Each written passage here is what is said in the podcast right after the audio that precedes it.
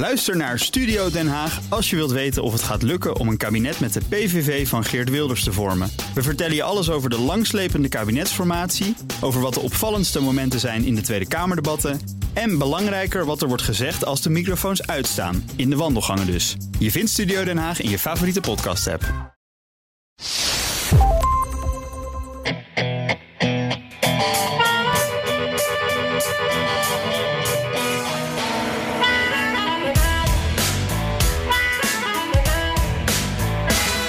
Het was een week waarin het nieuws vooral van buiten Washington kwam. Zo is de VS nu door de grens van een half miljoen coronadoden gegaan. 500,071 dead.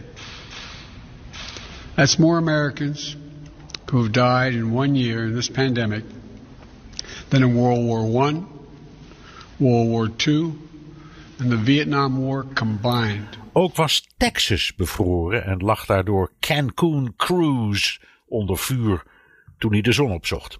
Dit is aflevering 65 van de Amerika-podcast. Mijn naam is Bernard Hammelburg. Vanuit de Amsterdamse dependance van Studio Hammelburg. Ik heb net, uh, Jan, uh, omdat het zo lekker weer is hier, maar eens een glaasje frisdrank, suikervrije frisdrank van een bekend Amerikaans merk ingeschonken. Oh, wat goed. Je, je blijft uh, in stijl. Blijf dat is, stijl. Uh, dat is Zo mooi. is dat. Amerikaans merk. Ja, ja ik uh, zit hier aan mijn eettafel in Washington DC, Jan Posma. En ik heb een kopje, ja, wat minder sterke koffie gezet deze keer, Bernard. Want zo'n zo week was het wel een beetje iets meer ontspannen. Maar ik ben er wel helemaal klaar voor. Hoe, jij noemde al het lekkere weer. Daar maak je mij al een beetje jaloers mee. Want hier is het nog een beetje koud en nat. hoe was jouw week? Um... Nou, het, het is voor eigenlijk heel saai. Het leven is saai. En nou, daar komen we direct misschien nog wel even over te spreken. Maar de, de, ja, het grootste nieuws, Jan, wat ik te melden heb, is dat ik naar de kapper mag volgende week. Kijk, gefeliciteerd. Ja, dus, dus kun je een beetje voorstellen, die, die lockdown wordt toch voortgezet. En de avondklok ook. En er is wel iets van verlichting, vooral scholen. Dat is belangrijk om te zeggen hoor. Omdat, uh, ja, ik, ik ben dan door de schoolgaande kinderen heen. Maar ik weet hoe het is uh, als je dat soort toestanden hebt. Dus voor heel veel ouders is het wel een beetje een opluchting. Um, en voor de rest, ja, in het nieuws hebben we toch heel erg veel gekeken naar de ontwikkelingen in uh, corona. En, en ik heb een beetje de indruk dat wat Nederland betreft, je, ik, ik noem het maar even zo, dat je de, de, de fietsers die door rood rijden fase ingaat. Hè, dat is typisch Nederlands beeld. Een fietser die zich niets aantrekt ja. van een rood stoplicht. Dat begint hier een beetje te komen met al die coronaregels. Mensen die denken, nou... Maar hoe, hoe, uh, bedoel je dat mensen niet meer die regels gaan ja. volgen? Nog wel goed uitkijken, maar ja, dan toch door dat rode licht rijden? Ja, precies. Ah. En denken, nou ja, ik ben jarig, weet je wat. Ik nodig wel twee of drie mensen uit, kan mij het schelen. Um, en van dat soort dingen, dus je ziet, je ziet dat verslappen en de mensen zeggen dat ook tegen elkaar. En um, dat is ook wel een beetje het gesprek van de dag. Er wordt ook gewaarschuwd door, door allerlei uh, ja, bekende uh, uh, zeggen mensen van het Centraal Cultureel Planbureau. Van kijk nou uit wat je doet. met dat te veel op slot houden van de maatschappij. Ja, het is een hele rare gedachtesprong, maar het is een beetje wat uh, Trump zei aan het begin, weet je nog wel, van die crisis. Van we moeten hier zo snel mogelijk af. Ja. De, de, de economie moet open. Een land kan niet op slot blijven. Nou, er is toen heel veel kritiek op gekomen, maar daar, daar heb ik het nou even niet over. Maar dat gevoel, dat zie je toch postvatten hoor. Ook in Nederland. Mm -hmm. En jou, Ja, ja, vertel, wat, dat- wat maak je allemaal voor spannende avonturen mee in het altijd bruisende Washington? Zet- je zet er mooi op. ja, nee, eh, ja, het was hier, eh, hier ook heel, heel stilletjes en rustig dit weekend. En dat, maar dat was ook wel weer iets, eh, dat, dat bracht iets grappigs met zich mee. Want mensen keken hier een beetje om zich heen van, wacht eens even, eh, zo stil hebben we het echt al lang niet meer gehad. Eh, er stond eh, een mooi stuk over in eh, de New York Times eh, met als eh, kop... eh, heeft Washington zojuist een echt weekend gehad. En daar werden allerlei politici en journalisten aan het woord gelaten. Die, die allemaal zeiden van ja, we hebben veel meer ademruimte eigenlijk. Dit was het, we hebben nu voor het eerst echt het gevoel dat, dat, dat we een weekend hebben gehad. Waarbij ik gewoon eventjes Netflix aan kon zetten. Even kon gaan vissen. en dan moest ik heel erg gaan wennen, zeggen die mensen dan.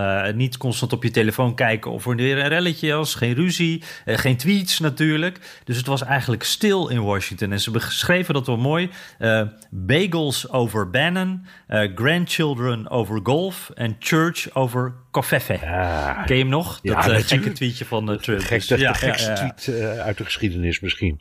Um, Precies. Ja. Jan, laten we dan toch maar even serieus beginnen met... Um, de coronacrisis.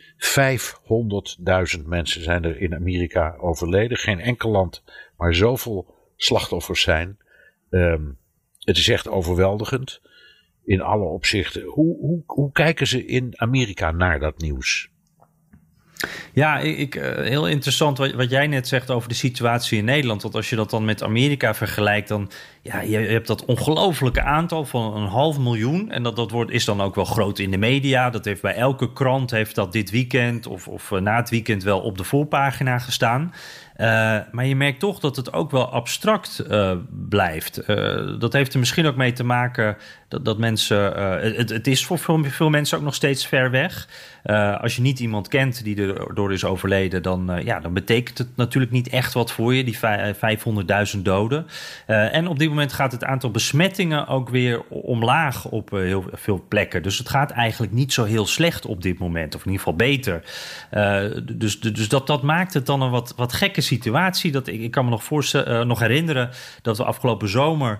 Toen gingen we over de, de 200.000. Dat was toen echt wel een, een groot moment. En, en de 100.000. Nou ja, al die mijlpalen, die trieste mijlpalen, waren allemaal vrij. Het waren grote momenten. Er werden allemaal vlaggetjes hier op de mol neergezet om dat te herdenken. Um, ja, nu, uh, Biden heeft een herdenking gehouden. Uh, en uh, daar stonden allemaal kaarsen bij het Witte Huis. Dat was een moment van stilte. De, de, de, de klokken werden hier geluid van de kathedraal hier. Dus het werd echt wel gemarkeerd. Maar tegelijkertijd denk je dan van ja, zijn mensen hier nou heel erg mee bezig? En dat weet ik dus niet zo goed. ik heb het idee toch niet zo. Uh, en ook wel opvallend met uh, wat jij net vertelt over dat door rood rijden. Uh, hier, uh, ja, hoe, hoe kan je dat dan in die fietsmetafoor stoppen? Misschien een extra bel op je fiets of een extra rem misschien wel. Maar hier wordt nu geadviseerd, um, we moeten hier nog altijd een masker, een gezichtsmaskertje dragen. Hè? En, als, als we de, de, de deur uitgaan. ze zeggen nu hiervan, doe er dan twee op in plaats van één. En pak bijvoorbeeld een medisch masker en doe daar dan zo'n ander weggooi verpleegstersmaskertje overheen. Um, dan zou het eh, echt een stuk veiliger zijn als je de supermarkt ingaat. En, en dan, uh, nou ja, dan kan je echt uh, veilig over straat. En dat is wel echt, denk ik, een heel groot verschil met Nederland nog steeds. Dat ze hier zeggen, maskertje erbij. Terwijl in Nederland, ja, daar zie ik nog steeds heel weinig plaatjes van mensen die, die met een masker over straat. Nee, nou, ik moet zeggen, daar waar het moet, dus bijvoorbeeld in winkels of in een winkelcentrum, daar is echt iedereen wel, heeft een masker op hoor. Um, en ik en in, je ziet ook mensen die in een lift stappen, die doen keurig masker om en zo. Dus het is wel, mm -hmm. het is wel doorgedrongen. Um, en dan, het, het, het is niet omdat mensen er echt in geloven, daar heb ik nog altijd mijn twijfels over. Um, maar omdat ze aan elkaar willen laten zien dat het aan hun niet zal liggen, zal ik maar zeggen. Hè? Dus ja, ik, ja, ik geloof er niet in, maar ik doe zo'n ding op, zodat jij, de ander, gerust bent dat ik je loop niet, uh, niet loop te besmetten. Dat, dat idee van die dubbele maskers, dat, kon, dat kwam dat van Fauci, ik geloof het wel hè, dokter Fauci? Ja, ja, ja. Ja, ja. ja ik, ik, ik, ik las dat. Uh, nou, dat is niet de eerste de beste. En waarschijnlijk bedoelt hij, als je echt wil dat je masker werkt, dan moet je ook een echt masker dragen. En dan kun je dat andere eroverheen doen als een soort van, ja, nou ja, uh, schijnvertoning. Maar je hebt eigen. Nou ja, ik geloof zo, zo'n medisch masker, dat, dat zou dan jou beschermen. Ja. En dat andere weggooimaskertje, dat zou dan de, ander, de ander ah, beschermen. Okay. Dat is het idee. Oké, ja. oké. Nou ja, goed. Ik zie het niet zo snel gebeuren. Doen mensen dat dan ook? Ja, dat, dat, is, dat vind ik dus opvallend. Ik ga binnenkort ook zelf, ga ik het, deze week ga ik nog het vliegtuig in. En ik moet zeggen, daarvoor heb ik dus speciaal dus even zo'n zo'n K95-masker, zo'n medisch masker een paar van op de kop getikt. Dat is nog een heel gedoe trouwens om die dan te vinden. Want er wordt veel nagemaakt en ze zijn niet te krijgen.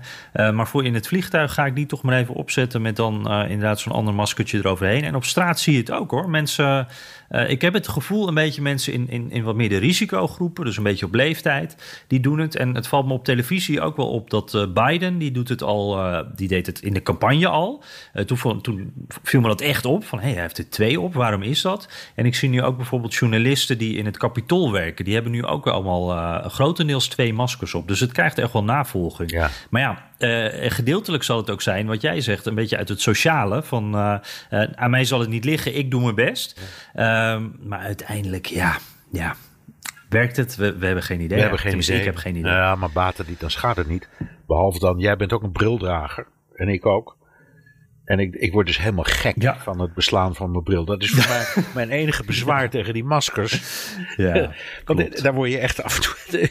Je wordt er wel een open van. Ja, nou goed. Uh, Jan, Precies. Jan, dan kwam Biden met zijn grote corona-hulpplan. En dat gaat nu eh, eind van de week. We nemen dit uh, zoals gebruikelijk weer op op dinsdagavond Nederlands tijd. Eind van de week gaat dat plan door het Huis van Afgevaardigden. En dan wordt het in vrijdag of, of in het weekend wordt er gestemd. En dan moet het naar de Senaat. Um, komt het allemaal ongeschonden door?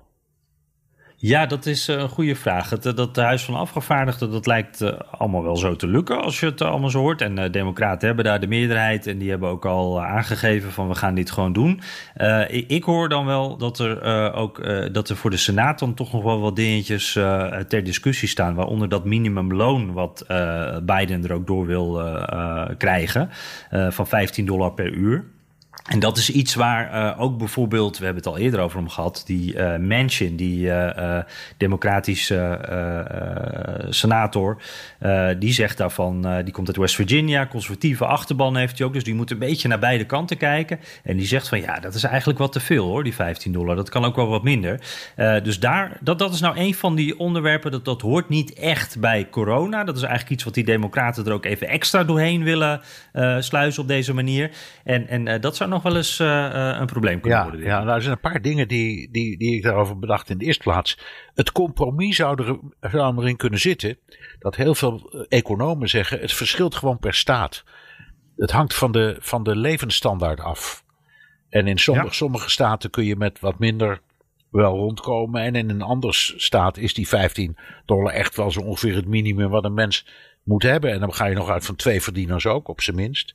Dus misschien zit het compromis erin dat ze zeggen: Nou, oké, we maken het niet verplicht in dit stadium voor alle staten, maar het is een advies aan staten die dat kunnen. Dat zou heel goed kunnen.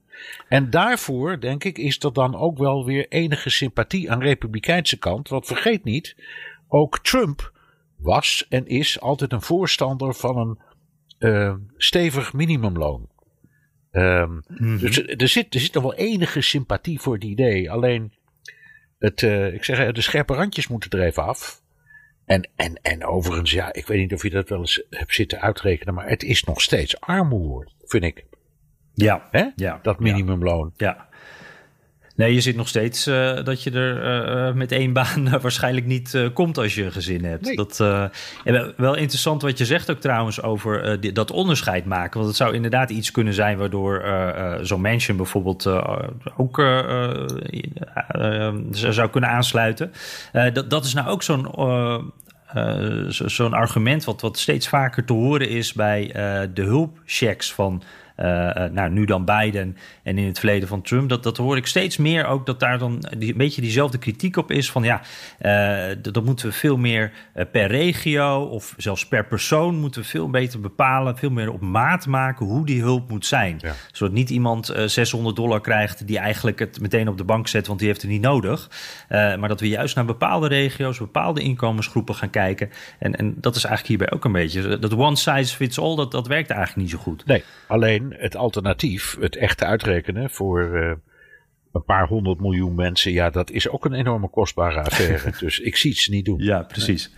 Nee, nee, dan uh, die kleine overheid uh, die de Republikeinen ook zo graag zien, dat werkt dan niet. Hè? Um, Daar een beetje over gesproken, over de rol van de overheid, Bernard. Jij noemde net in het begin al eventjes Texas. ja, het was voor mij echt weer zo'n zo'n moment, dat heb je zo af en toe waarop Amerika eh, voor mijn gevoel even op zijn snuffert gaat. Waarop de overheid even op zijn snuffert gaat. Dat, dat trotse Texas in dit geval, eh, dat altijd alles zelf wil doen, hè, zonder inmenging van Washington. Uh, dat werd eigenlijk overvallen door de kou. En toen, ja, toen ging er eigenlijk van alles mis. Ja, maar dan ook alles. Met meer dan twintig doden, hè? Om, om maar even te beginnen. Ja. Zijn gewoon mensen doodgevroren. Um, ja, het is een probleem, niet alleen in Texas, maar je ziet het eigenlijk op heel veel plekken in Amerika. Uh, dat ze, ze hebben een, een, een elektriciteit en ook een gasnet. Als het er is, dat is lang niet overal. Ja, dat lijkt uit de middeleeuwen te komen. Um, ik, ik, ik heb jarenlang ten noorden van New York gewoond, in de provincie Westchester. Dat is een redelijk welvarende provincie, daar was ook alles boven Tot aan de huidige dag is dat zo. Dus al die elektriciteitskabels, die, die, die, die lopen dan van, nou, van die paaltjes. En ik weet niet hoe het bij jou is. Het zal in de stad wel meevallen. Uh, ja, sommige uh, uh, van die stegen, dan, dan, zie je ineens dat inderdaad, er lopen dan twintig kabels, die lopen dan langs een muur. Ja, en dat is dan de elektriciteit. Dat is ook vaak de kabel van je internetaansluiting. Uh, en allerlei andere uh, uh, kabels voor weet ik wat, die daar allemaal langslopen. En dan zit dat op een beetje knullige manier op van die palen geslagen. En daar staan dan ook transformatorhuisjes op. En dat zijn vaak hele ouderwetse types transformator. Dus wat ik letterlijk heb meegemaakt, is dat er bij mij in de tuin destijds een eekhoorn op zo'n transformatorplekje stapte. En dan hoorde je een enorme knal. Dat was buitengewoon triest voor de eekhoorn. Maar de hele, de hele buurt had geen elektriciteit meer. Zo, zo, zo zit het in elkaar. Nou, ik ben er wel eens ingedoken. Wat speelt hier nou eigenlijk? Uh, en het heeft te maken met een paar dingen. In de eerste plaats gewoon een kwestie van geld. In de tweede plaats hebben Amerikanen de neiging om iets pas te repareren als het stuk gaat. Dus zolang het werkt, blijf je er vanaf, hè, onder, de, onder de term: if it ain't broke, don't fix it. Dus ze doen heel mhm. weinig aan preventief uh, onderhoud bijvoorbeeld. Eigenlijk helemaal niks. En in sommige gebieden, ik weet eigenlijk niet hoe dat in Texas is, maar in sommige staten speelt dat. Bijvoorbeeld in Californië, er is aardbevingsgevaar. En uh, mm bij aardbevingsgevaar wil je de elektriciteit liever niet in de grond. Uh, want als die grond gaat schuiven, dan, dan is de ramp niet te overzien. Dus bijvoorbeeld ook een reden waarom ze in het zeer geavanceerde land Japan ook heel veel bovengrondse leidingen hebben. Dus het is niet alleen maar knulligheid, er zit ook iets van overweging in. Alleen je zou zeggen, ja, bij elke grote storm, je kunt erop wachten. Hè? In Texas is het nu echt een ramp geworden. Maar ik, ja, ik, in de tijd dat ik in Westchester woonde, hadden we nou, minstens twee of drie keer per jaar een week geen elektriciteit. was de normaalste zaak van de wereld. Je keek er bij wijze van... Een week ook echt? Ja, rustige week. Je keek er bij wijze van spreken niet eens meer van op.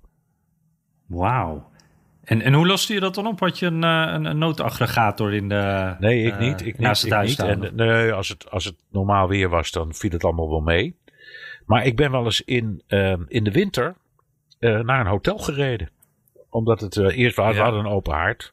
Dus dan probeer je nog een tijdje. Maar ja, je weet, dat, dat, dat ziet er leuk uit. En het is gezellig. Maar echt warm gegeven. Je, je krijgt een warme buik en een ijskoude rug, zou ik maar zeggen.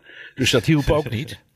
Dus ik ben, wel eens, uh, ik ben wel eens naar een hotel gegaan om te wachten tot het voorbij was. Ja, ja. Ja, en dat is toch iets. Uh, dat heeft misschien ook te maken met de, de, grote afstanden die er af en toe moeten worden afgelegd. Uh, door ook die elektriciteitskabels. Maar het, het blijft iets ongelooflijks. Dit, dit valt eigenlijk ook onder die infrastructuur, hè, waar, waar uh, Trump het dan over had, van dat moet verbeterd worden en uh, wat maar niet gebeurt. Dit zijn dingen, die, die houten palen, die, die er ook uitzien alsof ze uh, daar al 40 jaar staan en dat er nooit een likje verf over is gegaan of wat dan ook. er moet gewoon wat gebeuren, ja, toch? En sterker nog, ze staan er 40 jaar en er is nog nooit een likje verf overheen gegaan. nee, precies, precies. ja. ja. En wat mij ook uh, meteen aan, Texas specifiek dan opviel, die, die, uh, je kreeg gelijk die, die politieke discussie. Daar hebben we het ook al vaak over gehad. Maar uh, nog voordat we ook maar in de buurt van een oplossing komen, die mensen zaten allemaal nog half bevroren in hun huizen, koud te lijden. toen al was er gelijk ook ruzie over de politieke kant ervan. Iedereen gaf elkaar ook de schuld eigenlijk. En wat ik heel opvallend daarbij vond was uh, de, de wat conservatievere hoek, de republikeinse hoek. Die zeiden meteen, de, waaronder de gouverneur ook, van het zijn de windmolens. De windmolens hebben het gedaan, want die waren helemaal uh, vastgevroren. en zonder die energie, nou je ziet het wat er dan gebeurt. Die Green New Deal, daar moeten we echt nooit aan beginnen. Want als het even vriest en we zitten allemaal in de kou. Maar meteen werd ook wel duidelijk dat uh, in, in oliestaat Texas... dat daar maar uh, 10% of ietsje meer, geloof ik... van de energie uit duurzame energie, zonnecollectoren en windmolens komt. En dat ook bijvoorbeeld de kolencentrales stil lagen... want daar waren ook allerlei onderdelen van bevroren... of deden het niet meer en buizen waren gesprongen door de kou. maar voordat we ook maar het, het konden hebben over... van hoe gaan we die mensen helpen, was het al ruzie. Ja, ja, natuurlijk. Maar goed, ze zien nu ik denk, en in zoiets als dit, hè, want je, jij zegt het precies zoals het is, is zo'n trotse staat die onafhankelijk wil zijn en, en, en zich altijd zelf wil redden. Als daar iets misgaat, ja, dan kun je wachten op de blame game, ligt altijd aan een ander. hey, over, mhm. over, over blame game gesproken, Jan. Ted Cruz, de senator. Ja. Um, of moet ik zeggen Cancun Cruise. Die, ja, die, die ging, ring to it, hè? ja, die, die ging de fout in, toch? Ja, joh, die, uh, het, ik moet ten eerste maar even zeggen: een senator kan natuurlijk in zo'n situatie niet meteen heel veel doen. Die, staat natuurlijk niet uh, gelijk bij de oplossing. Maar je verwacht toch ook dat een politicus er is voor zijn uh, kiezers op zo'n moment. En uh, deze man, die Cruz, die kennen we ook goed. Hè? Die heeft altijd de mond vol over waarom uh, Amerikanen Washington zo haten. Hè? Die zakkenvullers daar die alleen maar aan zichzelf denken. Nou, die crisis, die, die was maar, nog maar net gaande. of hij stapte op het vliegtuig naar Cancún in Mexico, naar de zon, met zijn gezin. Uh, en natuurlijk werd hij meteen herkend. Uh, als je als senator van Texas in Texas op het vliegtuig stapt, dan zien mensen dat meteen natuurlijk. foto's die verschenen op social media, op de nieuwsites. je zag hem ook een beetje af en toe kijken. En hij zei later van ja, op dat moment had ik eigenlijk door van wacht even, dit was niet slim. Um, het ontploft hier echt. Dit was echt een rel. Uh, niemand kon dit eigenlijk in eerste instantie geloven dat hij zo dom was geweest om dit te doen. Uh, omdat het er natuurlijk helemaal niet goed uitziet. En hij heeft toen vervolgens eigenlijk het eerste vliegtuig weer teruggepakt. En uh, zei toen voor de camera's: Ja, ik, ik, wilde eigenlijk alleen maar mijn kinderen wegbrengen. Die zeiden van: Joh, we zitten hier in de kou en papa, we hoeven toch niet naar school. Kunnen we niet op vakantie? Dat was het verhaal dat hij erbij gaf. En ik wilde ze alleen maar even wegbrengen. Het was gelijk mijn plan om meteen weer terug te komen. Nou, daar werd natuurlijk ingedoken. En uh, dat ticket dat is uh, die ochtend nog aangepast. Uh, dus dat zat toch even wat anders. het was, ja, we hebben er hier echt wel om gelachen ook. Want het, het was een, een, relletje zonder consequenties eigenlijk. Hè. Het was een keer een rel zonder dat er heel veel ernstige dingen bij gebeurden. en en, en ook, ook die, die Cruise Bernard, dat, hoe die, die, die is geloof ik daarna wel tien keer voor de camera verschenen om flesjes water uit te delen, om te helpen met hout hakken. ik heb nog nooit zo zoveel aan het werk gezien. Dus het, was een, uh, even een grappige noot. Om het goed te maken, en het, het, is het ook. Maar ik zit dan ook te denken, uh, de grootste fout denk ik die hij heeft gemaakt. Het feit dat hij het deed was dom. Omdat, omdat hij tegen ja, zijn, de mensen in zijn eigen staat zegt, uh, ik ga er even tussenuit. En dat is al een verkeerd teken. Maar het argument, ik deed het voor mijn dochters. En op zo'n moment denk je dan als burger van zo'n staat, maar wacht even. We hebben allemaal dochters en zonen. En oma's en opa's. Dus moeten die dan mhm. eigenlijk niet ook allemaal even lekker naar de zon, meneer Cruz? Dus dat, dat was volgens mij de grootste fout die hij heeft gemaakt. Het argument van ik deed, ik deed het, voor, mijn, deed het voor mijn dochters. Ja, hoeveel stommer kun je het maken? Nou, er werd ook meteen gezegd van, uh, oh, nu geeft hij ook nog een keer zijn dochters de schuld in plaats van dat hij zelf zijn verantwoordelijkheid neemt. Ja. dat is dan ook weer zo. Ja. Ja, hey, en uh, er was nog een, uh, ja, toch wel een verrassing afgelopen maandag, Bernard. Het, Hoge Rechtshof uh, oordeelde over Trumps belastingaangiftes. daar hadden we lang op gewacht op die uitspraak. ik geloof dat we al meer dan vier maanden daar naar zaten te kijken van wanneer komt het nou een keer. hun oordeel is dus, ja, Trump mag die belastingaangiftes niet geheim houden. En dus kunnen ze, kunnen ze in Manhattan nu aan de slag eigenlijk. Ja. Ja, dat is een onderzoek dat wordt gedaan door Cyrus Vance, de, de, de openbaar aanklager in uh, de provincie New York, want zo heet dat dan officieel. Hè? Um, en dat gaat over een, een, een, zaak die aan het rollen is gebracht door uh, um, de, de, de, de afkoop van die twee vrouwen, weet je wel, die zwijggeld kregen. Stormy Daniels. Ja, die, die, die, die zwijggeld kregen uh, omdat Trump vreemd met ze was gegaan. Um, en vervolgens is hij daar verder ingedoken en ontdekte allerlei dingen die ook in andere rechtszalen al worden bekeken. Namelijk uh, de opmerkelijke uh, taxaties van zijn bezit. Als hij belastingaangifte moet doen, is het niks waard. En als hij een lening van de bank wil, dan is het een vermogen waard.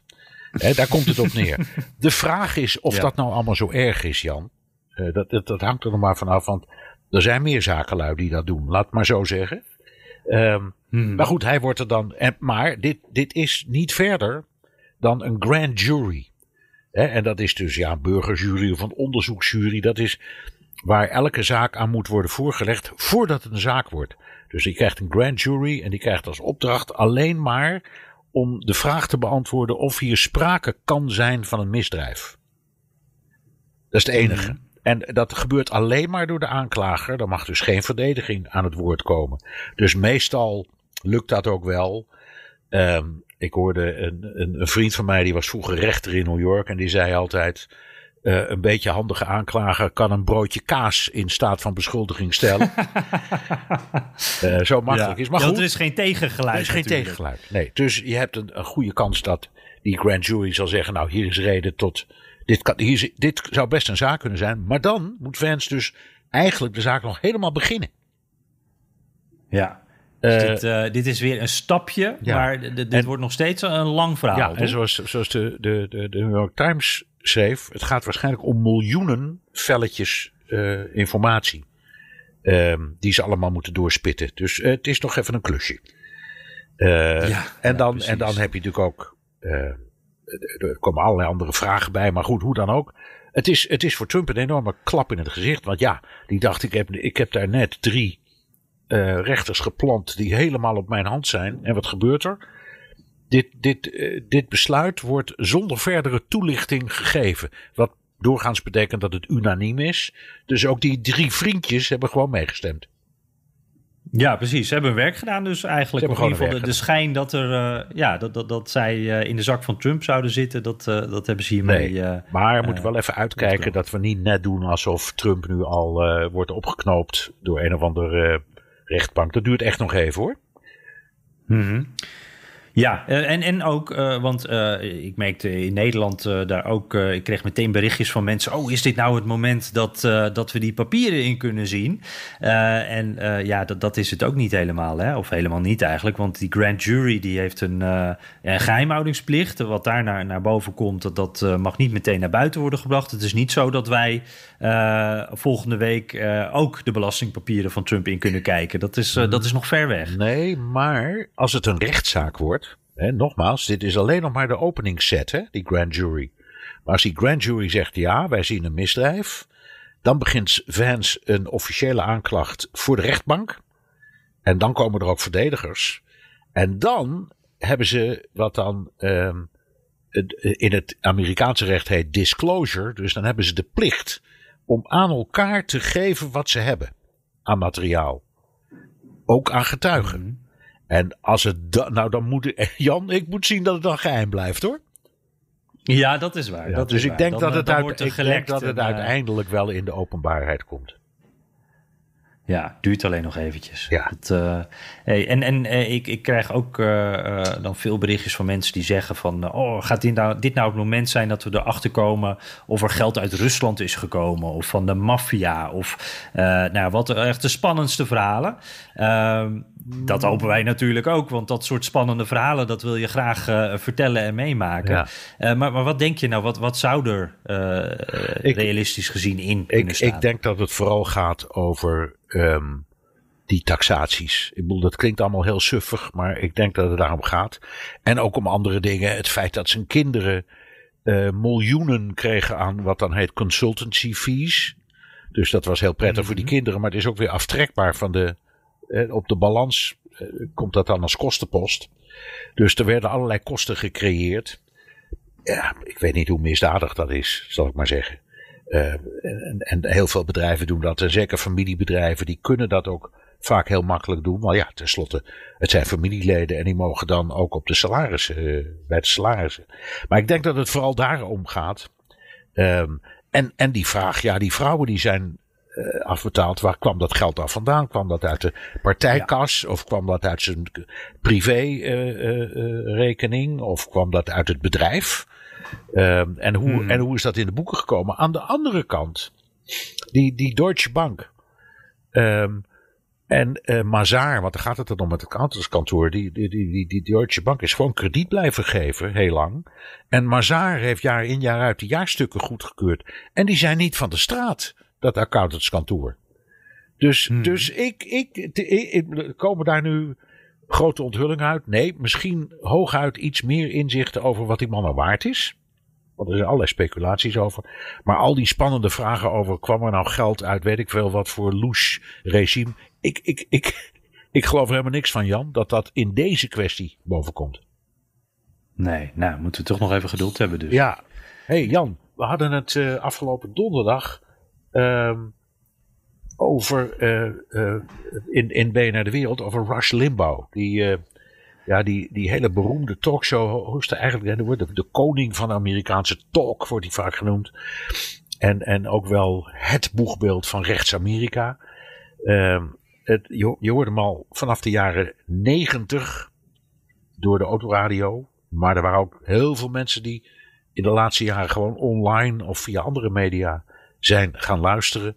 Um, een, een, een, ja, zeg, een, een, hele bijzondere, onvergetelijke man. En ook wel een beetje de maker, denk ik, van het idee van rechtse radio en televisie. Welcome to the Rush Limbaugh program, otherwise known as the Limbaugh Institute for Advanced Conservative Studies, the Doctor of Democracy. The only way liberals win national elections is by pretending they're not liberals. Women should not be allowed on juries where the accused is a stud. Find for me the latest case of homeless starvation. Evidence refutes liberalism. If the spotted owl cannot adapt to our superior evolution, isn't that nature? Ja, dat waren dus fragmentjes uit The Daily. Dat is de podcast van de New York Times. Die had een paar van zijn, uh, van zijn roeste uit, uit, uitspraken op een rijtje gezet. ja, een paar hoogte dan wel dieptepunten. Oké, oké. Eh, jij, jij, jij, hebt ze allemaal door. Wat, wat, wat waren dit nou voor momentje? Wat, zijn, wat, zijn nou, wat hoorden we net? Ja, nou ja, dit, dit is denk ik typisch limbo. Dus ik, ik heb wat, wat fragmentjes die inderdaad de New York Times al, al wat had verzameld. Ik heb daar een paar van gekozen en achter elkaar gezet. En ik, ik, uh, die man, dat is zo'n aparte mix van uh, uh, een hele goede radiomaker. In de zin van dat hij heel goed snapte wat zijn publiek wilde horen. Hoe hij op zijn publiek in kon spelen. en daar, daar, echt een ongelooflijk radiotalent eigenlijk. Gecombineerd met ook een, een, een soort populistisch talent en, en een beetje de, dat shock dog uh, gevoel wat, je ook, uh, in, wat ook in die periode opkwam. Hè? Hij, en dat zit hier ook wel in. Een paar wat uh, controversiële dingetjes. dingen waar de linkse Amerikanen heel boos van worden. dat hij dan zegt, wat was het, de, de, de, de gespikkelde nachtuil, dat die overlijdt omdat wij zoveel nieuwbouw plegen. nou, is dat dan niet gewoon, wij zijn ook onderdeel van de natuur. Is dat dan niet gewoon evolutie? Wat is het probleem nou helemaal? Nou ja, dan heb je natuurlijk een heel groep, de, de, de Amerikaanse GroenLinks kiezer, die heb je dan op de op de kast natuurlijk. En zo waren er altijd, hij had een show van drie uur lang. Uh, momenten, ja, hij, ik moest af en toe echt om hem lachen. Hij kon echt heel grappig zijn.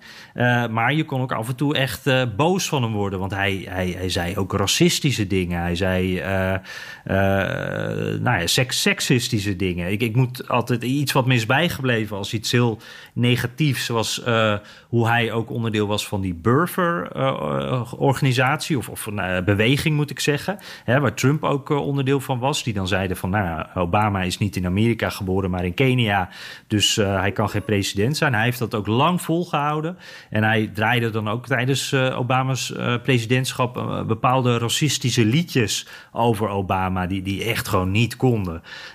dus het is echt iemand van, van uiterste, maar die ongelooflijk, een ongelooflijk grote achterban achter zich had. Ja, en hij deed het, al die dingen, heel bewust en expres.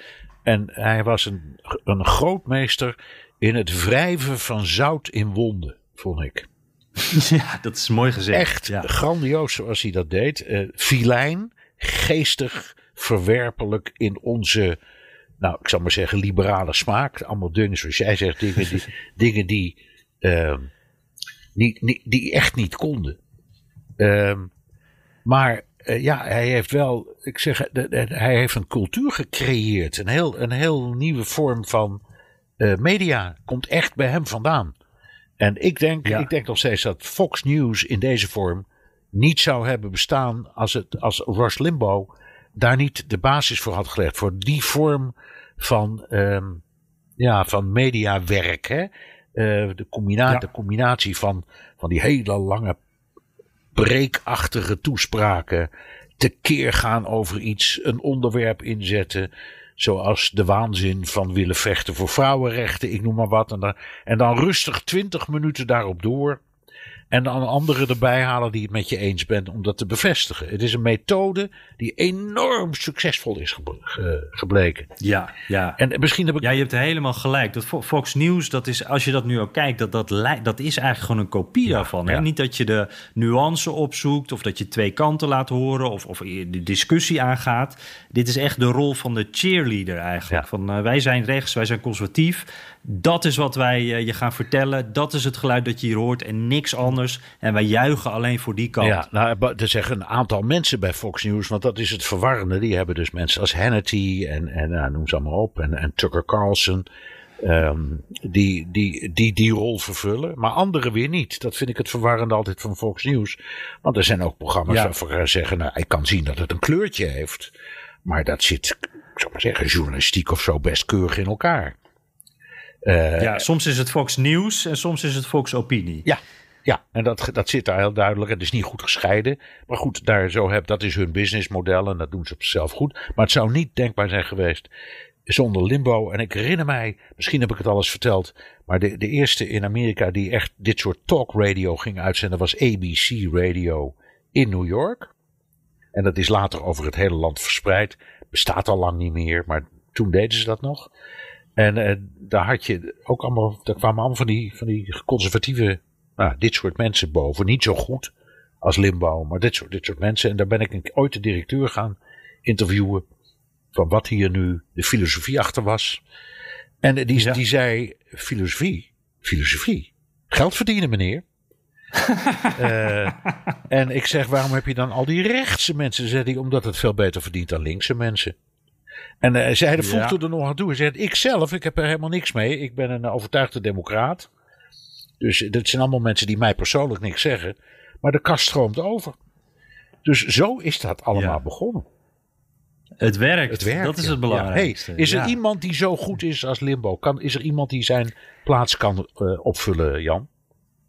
Nee, daar heb ik dus. Uh, ik, ik, de, de laatste dagen, uh, eigenlijk week, zit ik daarover na te denken. Daar, dan laat ik er, dat is niet, een, niet een, een mediaman. Of nou, eigenlijk ook wel een mediaman. Ik moet eigenlijk de enige, denk ik, is Donald Trump. Die, die, je noemde net al zonder Rush Limbaugh geen Fox. Nou, zonder Limbaugh ook geen, geen Donald Trump, denk ik. Want ik, het valt me ook op, alles wat ik terug heb geluisterd de laatste tijd hoeveel die twee op elkaar lijken. Dat, die, dat ongelofelijke, die ongelofelijke antenne voor wat er leeft onder, uh, onder je publiek. Uh, die mensen heel direct aan kunnen spreken, precies zeggen wat ze willen. Het entertainmentgehalte ook, waar we het net over hadden. Hè, dat, dat zout in de wonden wrijven, dat is uh, own the lips, zeggen ze nu. Hè, dat je de, de, de democraten even boos maken het, is, het, het komt eigenlijk allemaal. Limbo heeft het allemaal al een keer gedaan. En, en Trump doet het nu. Uh, ja, eigenlijk net zo goed. Uh, die, die zijn net zo goed. Ja, maar dat, dat bij Fox, dat, zelfs de, de Hannity's en zo, die zie ik het niet doen. Nee, maar ik betwijfel of Trump zo goed is. Ik, ik zou het op zichzelf grappig vinden als hij die rol kiest. En helemaal niet onverstandig misschien. En hij zou Alleen, wat ik in Limbo zo bewonderde, was zijn onvoorstelbaar... Hij was een meester in taalgebruik. Hm? Dus die zinnen die waren, die waren vaak zo fantastisch geconstrueerd. En daardoor zo trefzeker. Dus dat, dat, elk, elke zin was echt een pijl die die afschoot. En boem, zo in het hart van de tegenstander. En bij Trump is het meer, die wauwelt, die vliegt alle kanten uit. Dus die zou, als, hij, als, hij ooit zoiets doet, dan moet hij wel iemand naast zich uh, aanvaarden. Uh, tegen wie die kan zeggen: hou mij een beetje in de richting. Want ik moet niet alle kanten. heb je helemaal dat alle kanten uitvliegen, dat is best leuk als je een uurtje naar hem luistert. Maar elke dag op de radio, drie uur lang, dat hou je niet vol. Dat nee. nee. Nee, dat is inderdaad waar. Want tijdens. Uh, je ziet het ook bij Trump-speeches. Dat dan, je merkt het moment waarop het publiek afhaakt. En Limbo die, die heeft dat moment dus niet. Nooit. Een beetje vast te houden. En, en die mist ook. Uh, wat Trump ook wel mist, natuurlijk, is de humor. Denk ik. Die Limbo wel meer heeft. Ook al was het wrange humor ja, vaak. Ja. Maar, uh, ja. dat hebben we wel eens meer besproken. Dat het meest opmerkelijke vond ik. in de periode Trump als president. het ontbreken van humor die ongelooflijke boosheid. Ik kan me niet één president herinneren die zo was. Ze kunnen wel heel erg principieel boos, weet ik veel wat zijn geweest. Maar alle presidenten daarvoor die konden allemaal een grap maken. En hij eigenlijk nauwelijks. Uh, en dat zou hij inderdaad ook moeten leren als hij het mediavak weer in wil. Hè, wat hij daarvoor ook heeft gedaan. Ja, dan moet hij toch iets losser worden, denk ik. Nou, uh, ja. speaking about Trump. Jan, de komende, week, de komende week is jouw favoriete uh, bijeenkomst. Uh, CPAC. Dat is uh, die, die, die grote conventie voor conservatief Amerika. Je was daar vorig jaar ook, herinner ik me. Of was het alweer twee jaar geleden? Ja. Vorig jaar. Um, en dat is een beetje het, het Circus Trump, hè, de laatste tijd. En, ja. en, en wat mij opviel, Trump gaat daar spreken. Dat is zichzelf al geweldig. Want de eerste keer dat we hem waarschijnlijk weer in een echte grote toespraak in het openbaar horen. En, maar Pence, zijn vicepresident, gaat dus niet. Dat vond ik wel helder mee. Die heeft afgezegd omdat Trump daar spreekt. Hij zegt het, hij zegt het niet, niet helemaal zo, maar daar komt het op neer. En, en dat is dan toch, Jan, toch een beetje een teken van hoe die, hoe die partij ervoor staat. Is dat nou uh, de Grand Old Party? Of is het de Party of Trump? De GOP of de POT? Wat denk je? Ja, ja, precies. Nou, dat is exact wat je ook in de, in de line-up ziet eigenlijk voor uh, eh, CPAC dit jaar. En uh, sowieso, het, het is wel een, uh, een hele interessante editie. naast dat, want, want, het is ook voor het eerst in Florida. Dat is vanwege corona-regeltjes die hier in Washington veel strenger zijn. Dus zijn ze naar Florida gegaan, waar natuurlijk een republikeinse gouverneur is. En daar mag veel meer. en, en vorig jaar rond deze tijd was ik dus inderdaad ook bij CPAC hier in Washington. En dat kwam corona net een beetje op. En toen was na afloop was dat nog wel een relletje. Want toen bleken meerdere mensen besmet te zijn geweest. Terwijl daarbinnen corona echt compleet belachelijk werd gemaakt. En dat was nog het moment waarop uh, alle republikeinen Trump eigenlijk napraten. En zeiden van ja, dit is alleen maar een publiciteitsstunt uh, om mij van herverkiezingen af te houden. dus dat wordt interessant om te zien. En je ziet gewoon die, die, die duidelijke. Ehm, ja, het onderwerp is eigenlijk cancel culture. Daar willen ze het over hebben. Maar eigenlijk gaat het bij alles ook over Trump. En dat Trump daar inderdaad spreekt en Pence niet. En dat alle Trump-getrouwen daar ook spreken. Uh, Matt Gates, uh, de, de, de, die, die, die, uh, dat congreslid. Al, eigenlijk alle congresleden die pro-Trump zijn, die komen hier ook spreken. Cruz, Ted Cruz, waar we het net over hadden, die is er ook.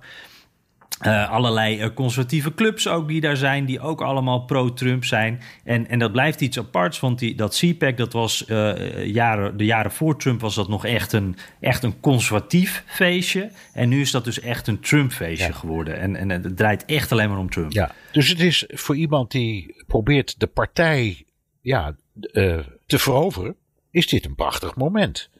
Want hij is er zelf, ja. hij is er zelf, al zijn volgelingen, belangrijkste volgelingen wat kunnen we ervan verwachten? Wat denk je? Verzet dit het, het, uh, het palet van de politiek in Amerika, dit congres? Of is het iets waar we allemaal uh, even een paar dagen van zitten te smullen of van zijn ergeren en is het dan weer over? ja, ja, ja, ja. Nou ja, in, in eerste, het is natuurlijk, laten we even nuanceren daarbij ook. Uh, het is iets, uh, het komt nu buiten uh, campagnetijd. Hè? Het is een beetje een rustige periode op dat, wat dat betreft. Dus het is niet meteen qua timing het moment waarop Trump de, de Republikeinse Partij overneemt. Maar dit is wel weer zo'n uh, startschot eigenlijk daarvan. Hè. Dit is zijn eerste optreden uh, na zijn presidentschap. Uh, en hij gaat een hele duidelijke boodschap afgeven. En hij gaat eigenlijk die, die, ja, die, die strijd binnen die Republikeinse Partij... daar gaat hij eventjes wat, wat olie op het vuur gooien.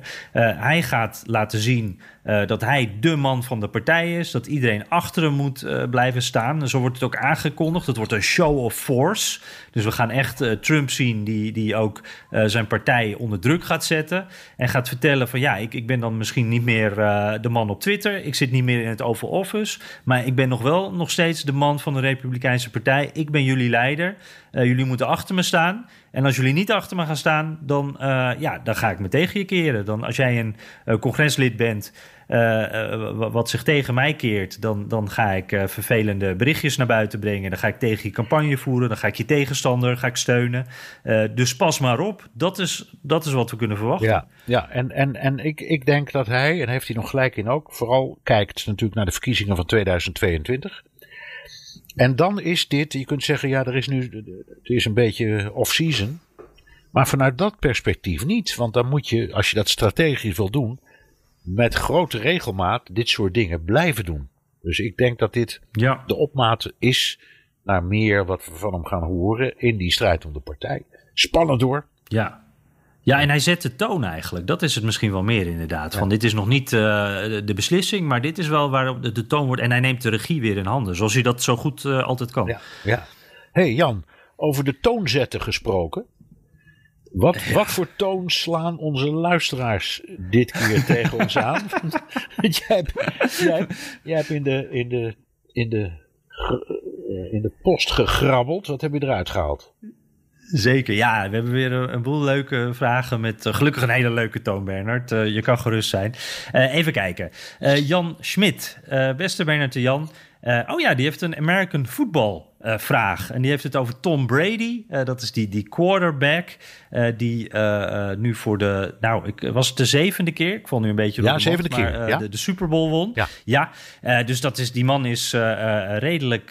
voor een Amerikaanse voetbalspeler is hij enorm op leeftijd. En, en niemand dacht nog dat hij het kon. Maar hij kan het nog steeds. Dus hij heeft recentelijk weer de Super Bowl gewonnen. En deze man zegt nu.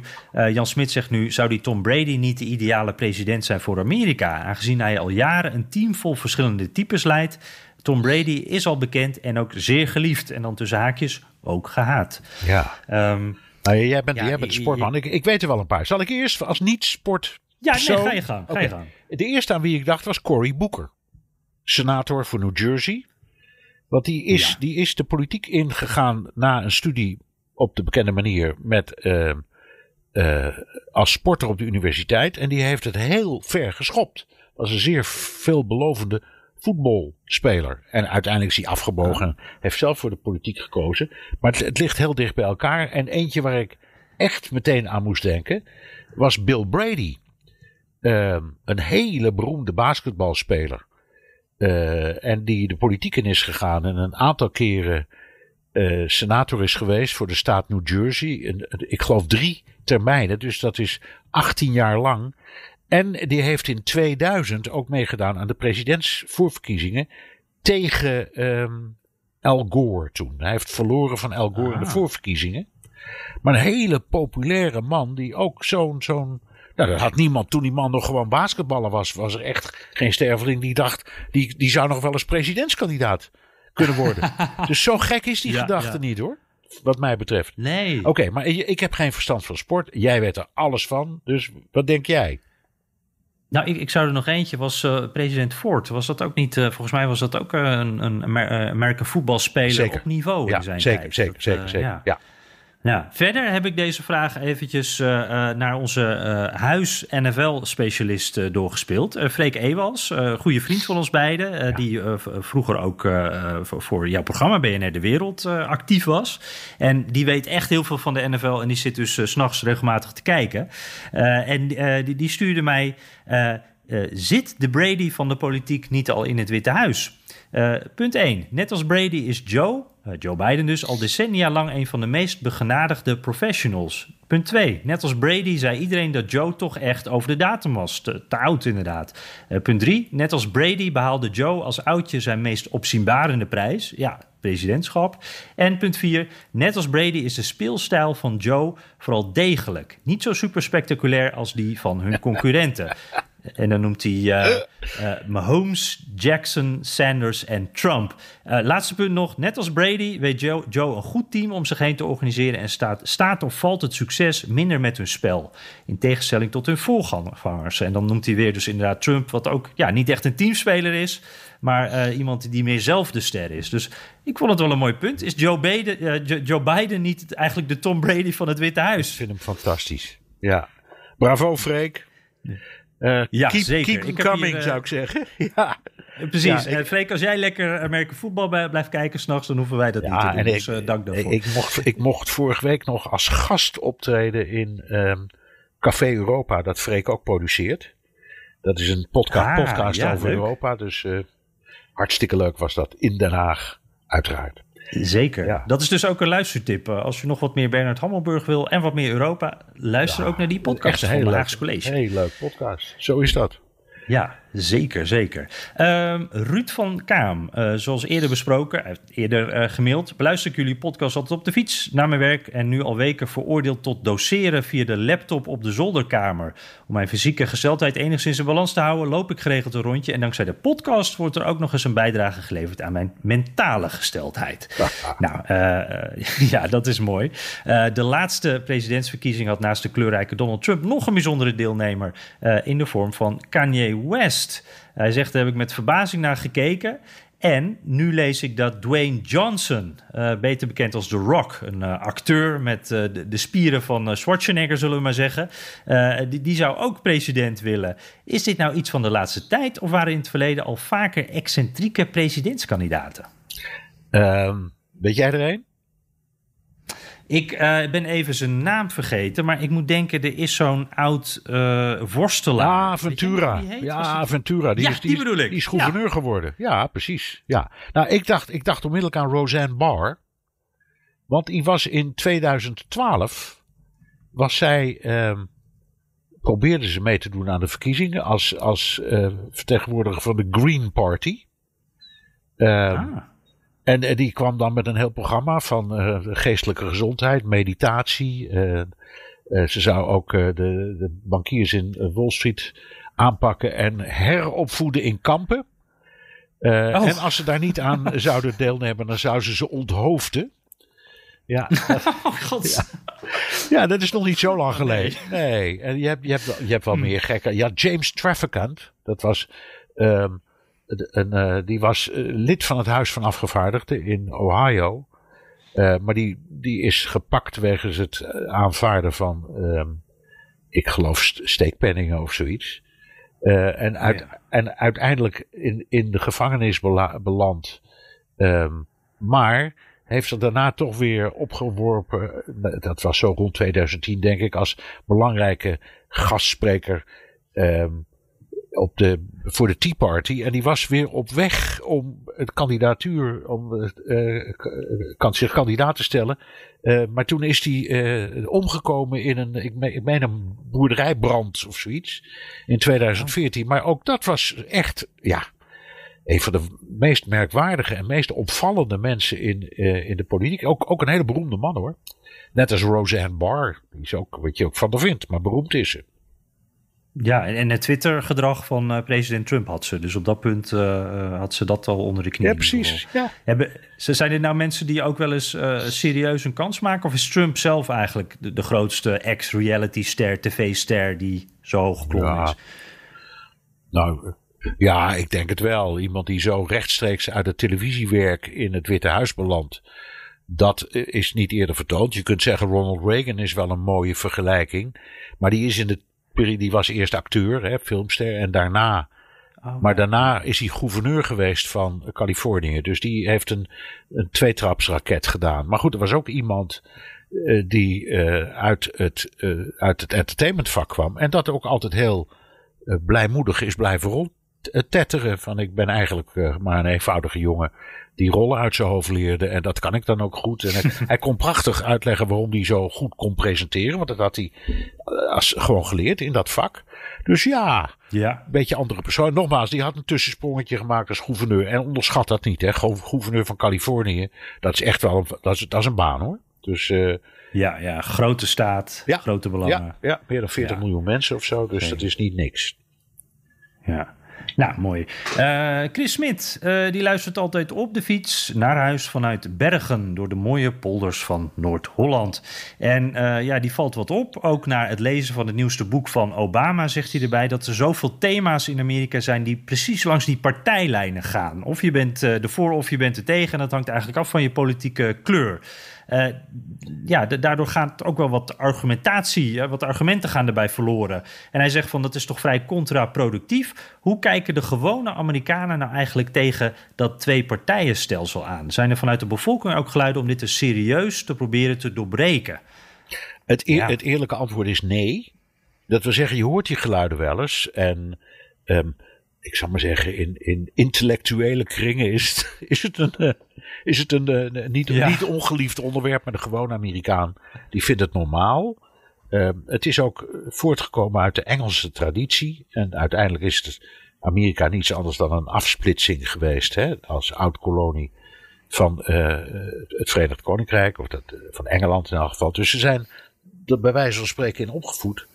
En ze vinden het ook een goed systeem. Alleen, ik, ik, ik ben in zoverre geïnteresseerd geraakt de laatste weken vooral. Er zijn peilingen nu gedaan. Ik weet niet of je dat hebt gezien. Uh, over hoe mensen denken over de ander. En uh, dat heeft nog nooit zo ver uit elkaar gestaan als nu. Ik geloof dat iets van 85% van mensen die uh, republikeinse opvattingen hebben. helemaal niets te maken weer meer willen hebben met mensen van andere opvatting. En andersom. Ja. Uh, ja. Dat vind ik, dat heb ik nooit eerder gehoord. Uh, omdat normaal is het zo, dat zal, ik weet niet hoe het bij jou is, maar in mijn persoonlijke kring is dat de normaalste zaak van de wereld. Dat je mensen ontmoet door de jaren heen. Van de ene en de andere partij en dan een heel aangenaam uh, gesprek kunt hebben. Maar dat is dus, dat is nu een beetje verdwenen. Dus we moeten hopen dat dat terugkeert. Maar ik weet niet of dat zit in een tweepartijenstelsel.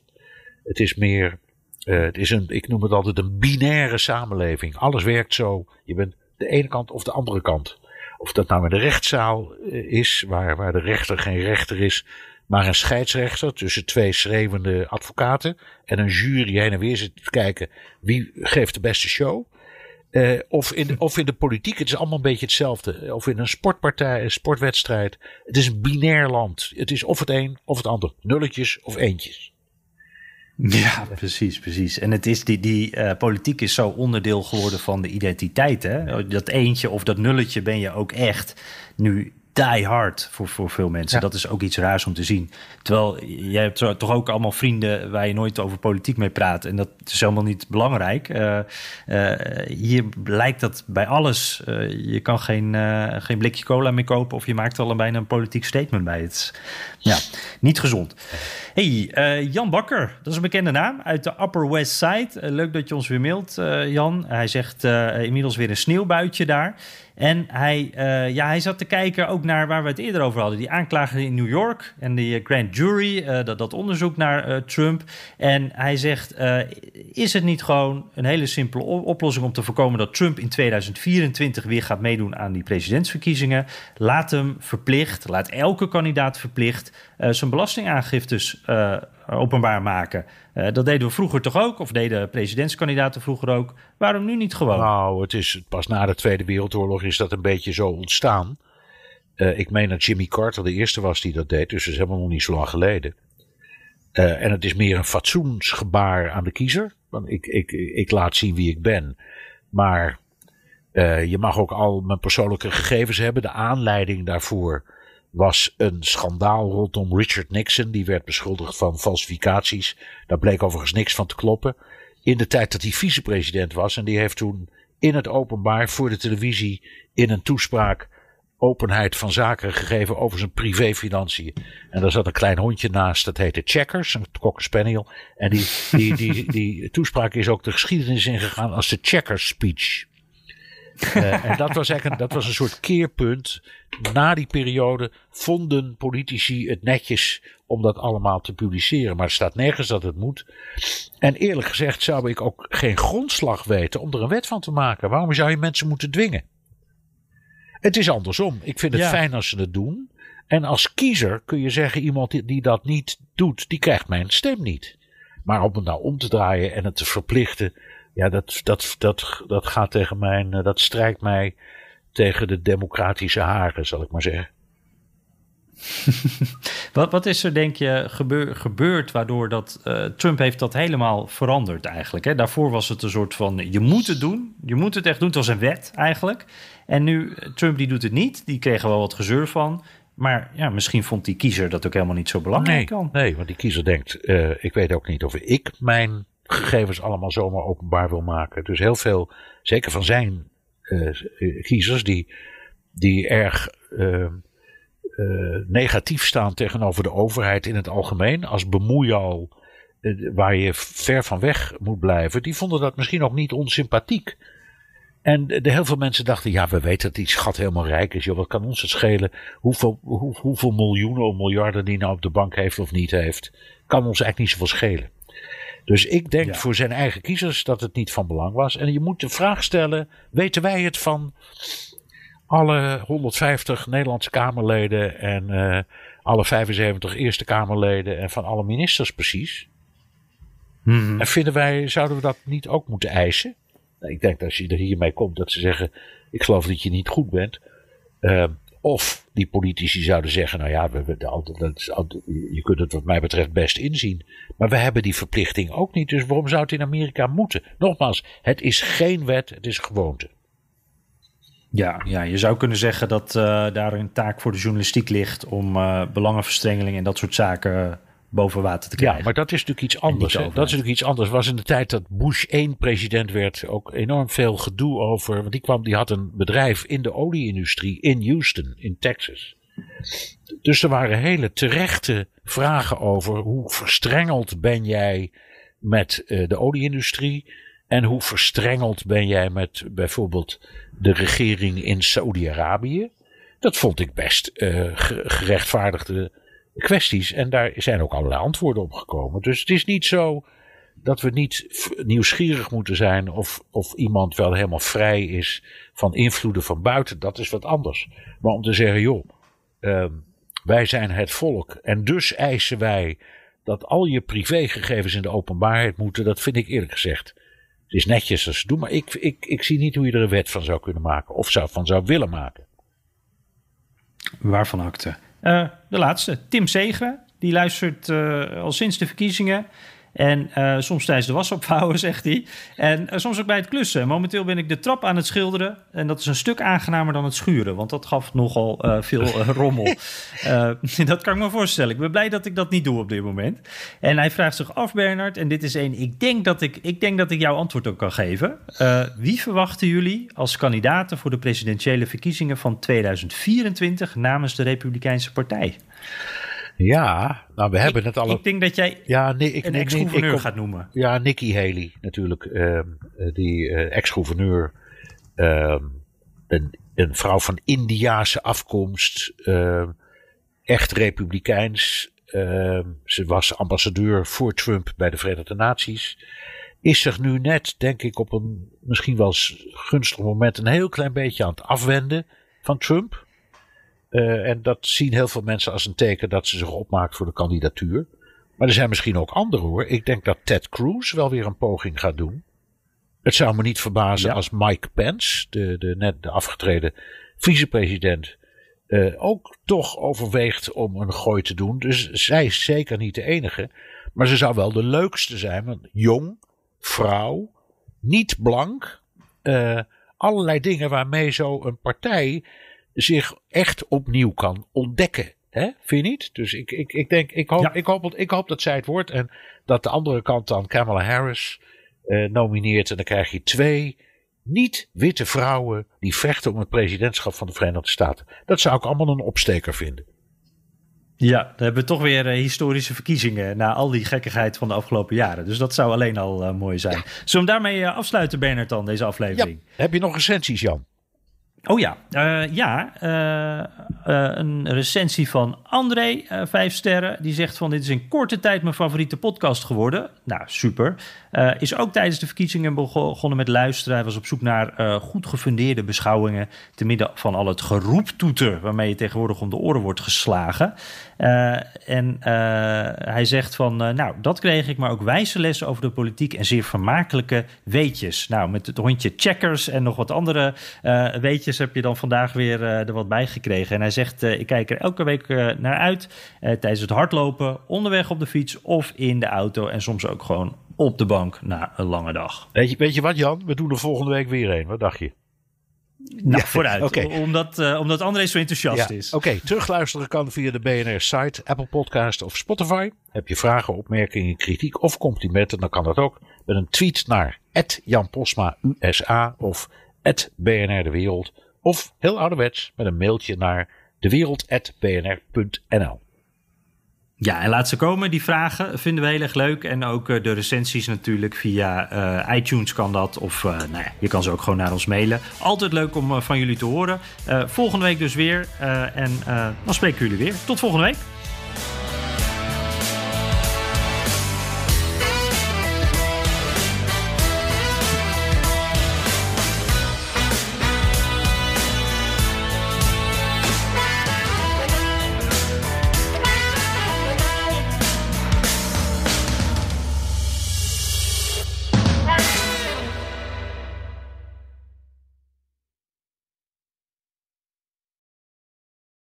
Ook Liesbeth Staats vind je in de BNR-app. Ja, heel handig. Luister live naar Kees en mij tijdens de Daily Move. Dan blijf je ook gelijk op de hoogte van breaking news en het laatste zakelijke nieuws. En daar vind je ook alle BNR-podcasts, waaronder de Perestrooikast. Download nu de gratis BNR-app en blijf scherp.